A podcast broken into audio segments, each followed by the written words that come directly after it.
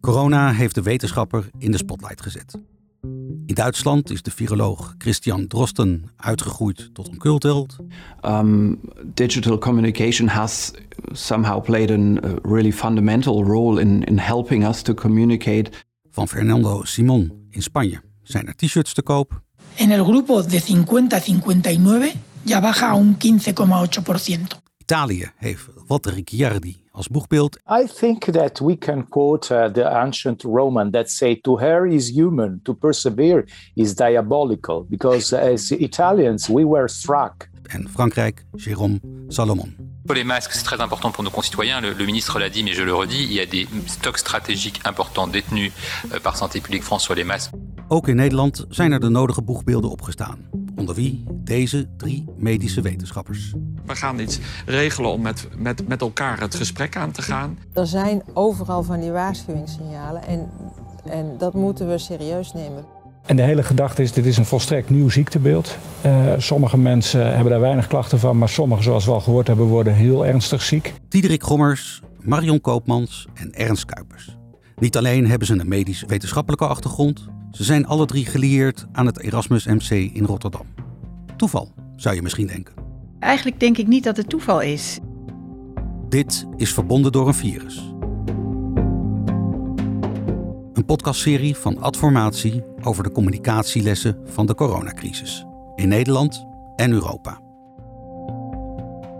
Mijn naam is Jasper Mulder en in deze aflevering kijken we naar wetenschapscommunicatie, desinformatie en de manier waarop ziekenhuizen communiceren in de pandemie. Want wat is er te doen tegen een luidruchtige groep mensen die wetenschap als een mening wegzet? Om daarover te praten ben ik afgereisd naar Rotterdam, naar Mariel Kroon. Zij is directeur communicatie bij het Erasmus MC. Je hoorde haar net al even. Ik spreek haar op de afdeling communicatie, nog voordat Ernst Kuipers de overstap heeft gemaakt naar het ministerie van Volksgezondheid. En al meteen merkte ze, het is geen toeval dat Gommers, Koopmans en Kuipers zo vaak in de media verschijnen. En wat mij opvalt is echt de Rotterdamse mentaliteit. En dat is de, ja, er wordt vaak gezegd de niet lullen maar poetsen mentaliteit, maar die is er ook echt. Het zijn enorme doeners, ze gaan aanpakken.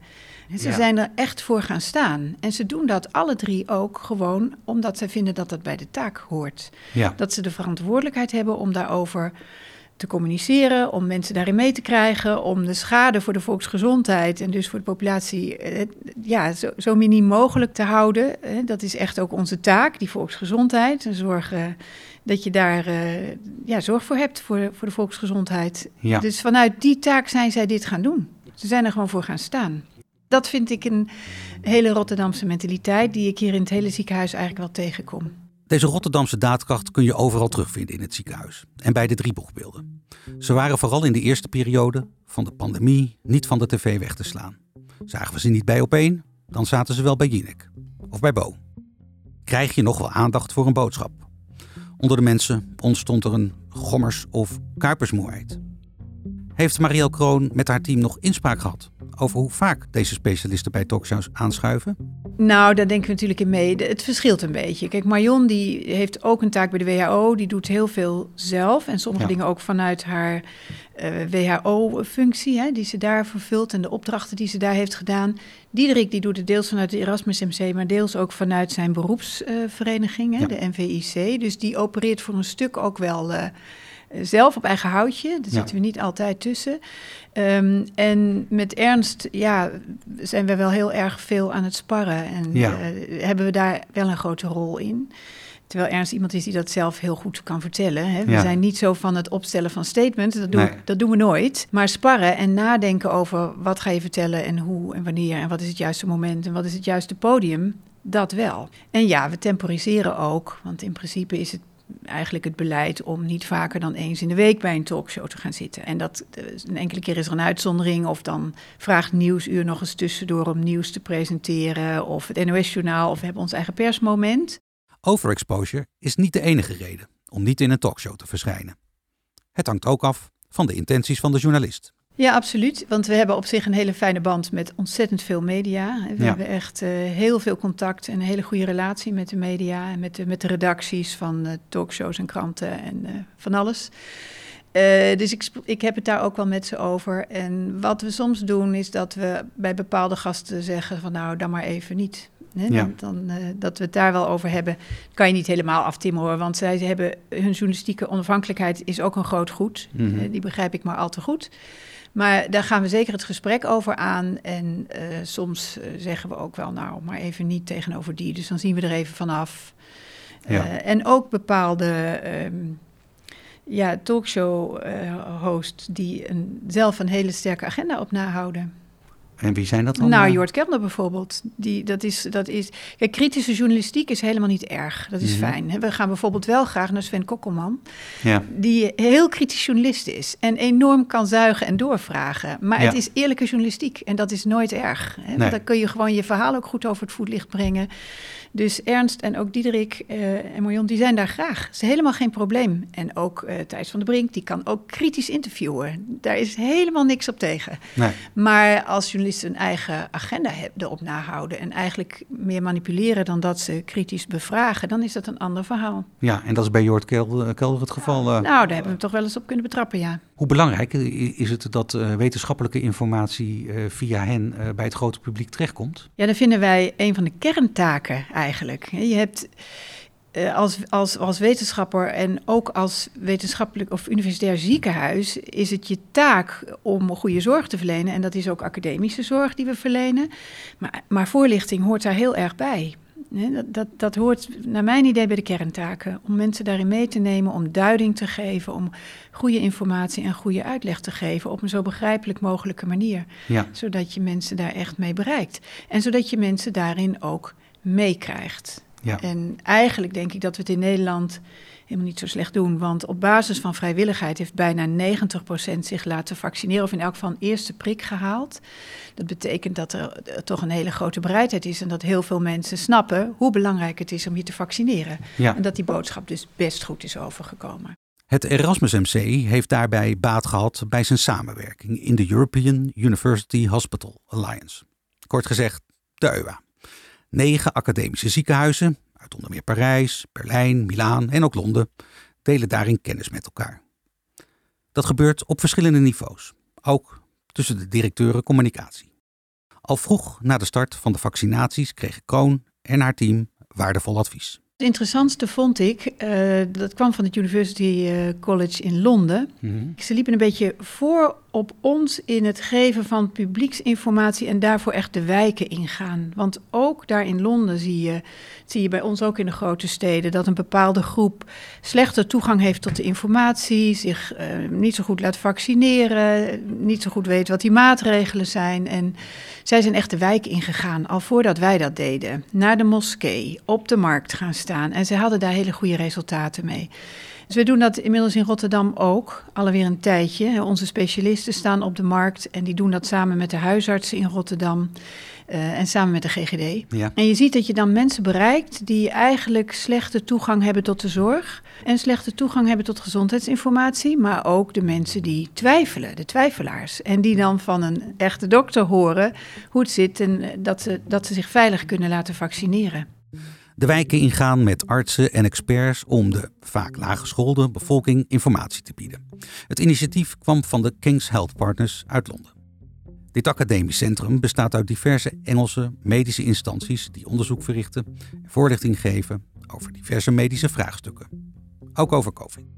Maar ziet de Erasmus MC dat deze techniek ook daadwerkelijk werkt? Ja, dat zien wij, ja. Ja? Dat zien wij. En dat wil zeggen, eh, kijk, dat, het is, je moet ze één voor één zetten. Hè? En één voor één Mhm. die mensen over de streep trekken.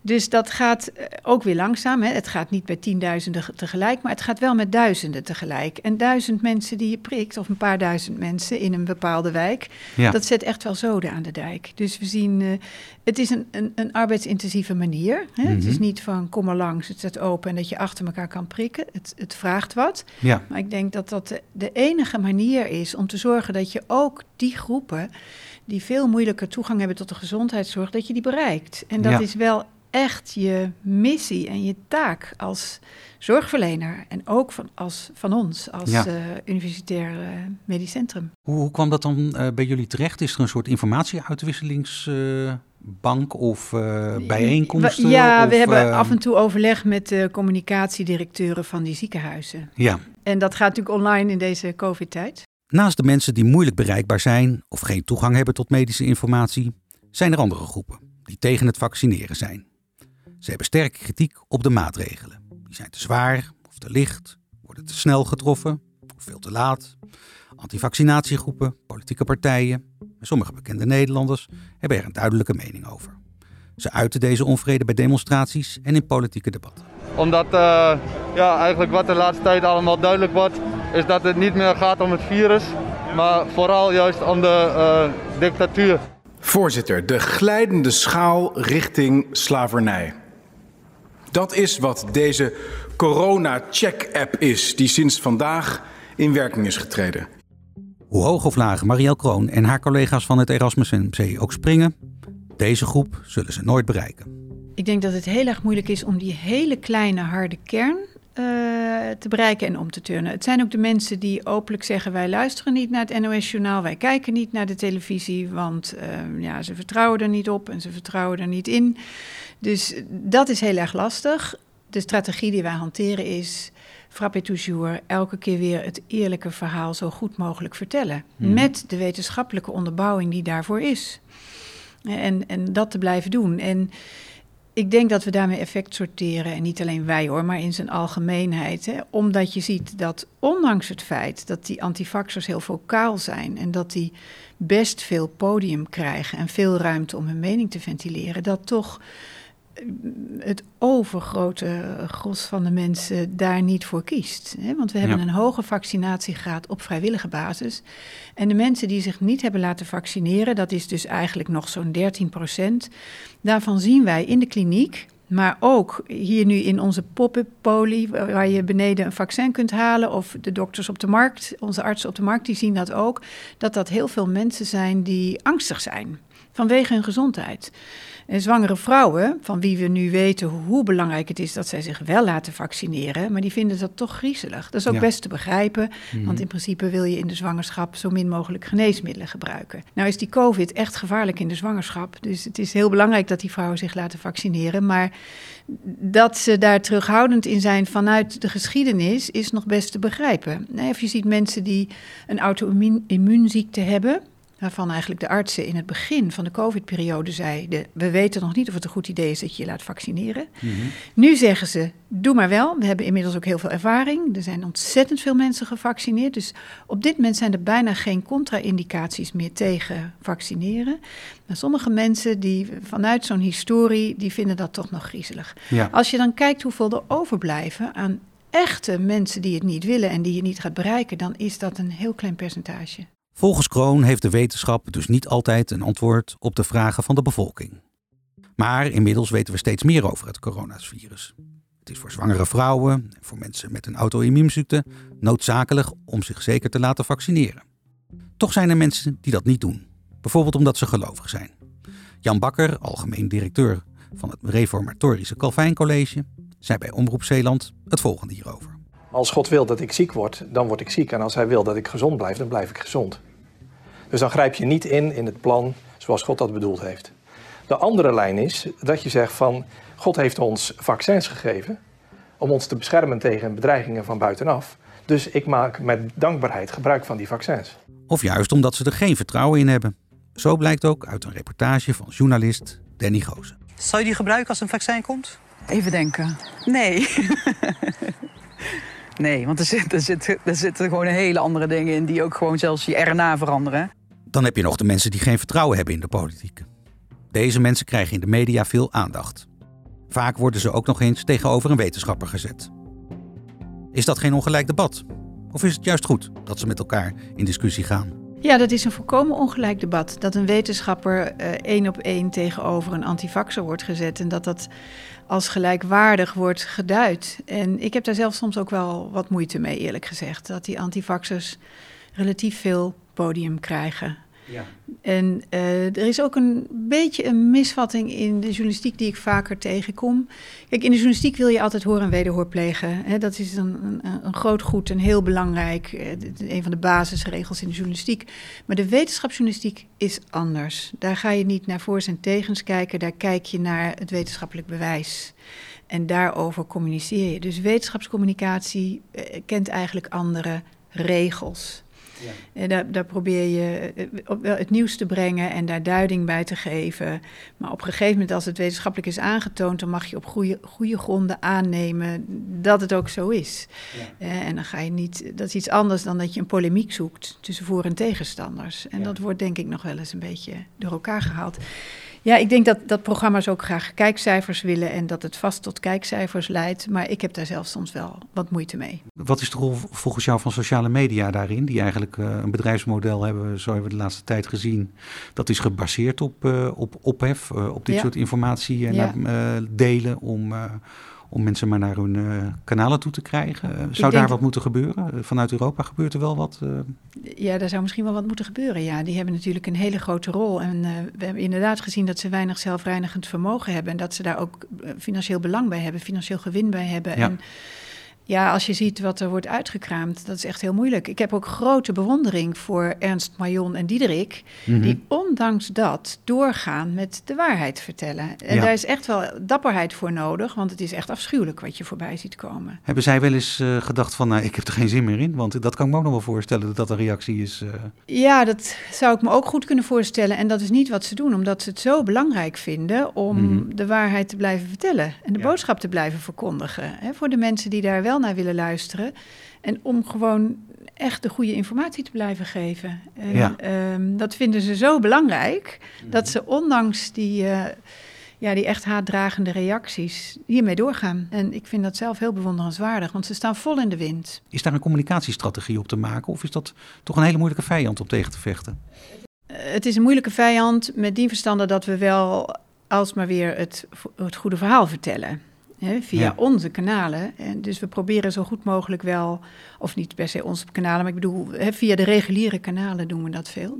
Dus ik geloof wel in het verhaal van uh, frappe toujours. Mhm. Mm -hmm. um, en de hatelijkheden, dat is eigenlijk een beetje een ander verhaal. Dat is een heel naar fenomeen dat je ziet. Uh, vanuit de communicatie is dat best lastig, want het raakt al snel aan de vrijheid van meningsuiting en dan kun je er niet zo heel veel mee. Uh, we monitoren en de politie monitort ook. Ja. Hè, zoals dat ook gebeurt voor politici. Uh, ja, en als mensen daarin over de schreef gaan. Ja, ik vind dat mensen heel veel over de schreef gaan als het gaat over normen van fatsoen. Hè, want het, het, is, het is heel haatdragend en beledigend. En als het ook echt uh, bedreigingen zijn, ja, dan doen we aangifte. Mariel Kroon ziet daarbij dat desinformatie wel bewust wordt ingezet. Partijen doen dat om eraan te verdienen, of zoals de John Birch Society, om de samenleving te destabiliseren.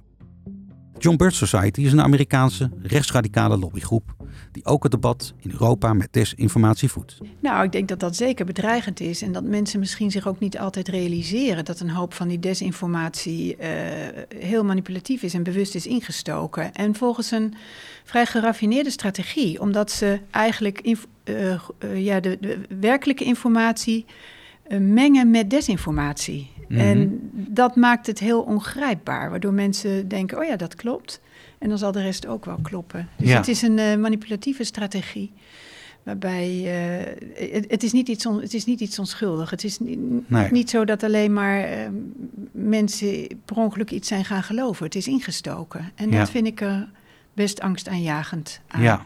Daar zouden we niet naïef over moeten zijn. Uh, nee, daar zouden we niet naïef over moeten zijn. En uh, ik, het is denk ik ook wel van alle tijden dat daar gebruik van gemaakt wordt. En, uh, in, in, in, in, ja, in crisisteams en om, om mensen eronder te houden of wat dan ook. Dus, ja. Maar dat is, dat is inderdaad niet om naïef over te zijn. Nee, wat zouden we tegen kunnen doen?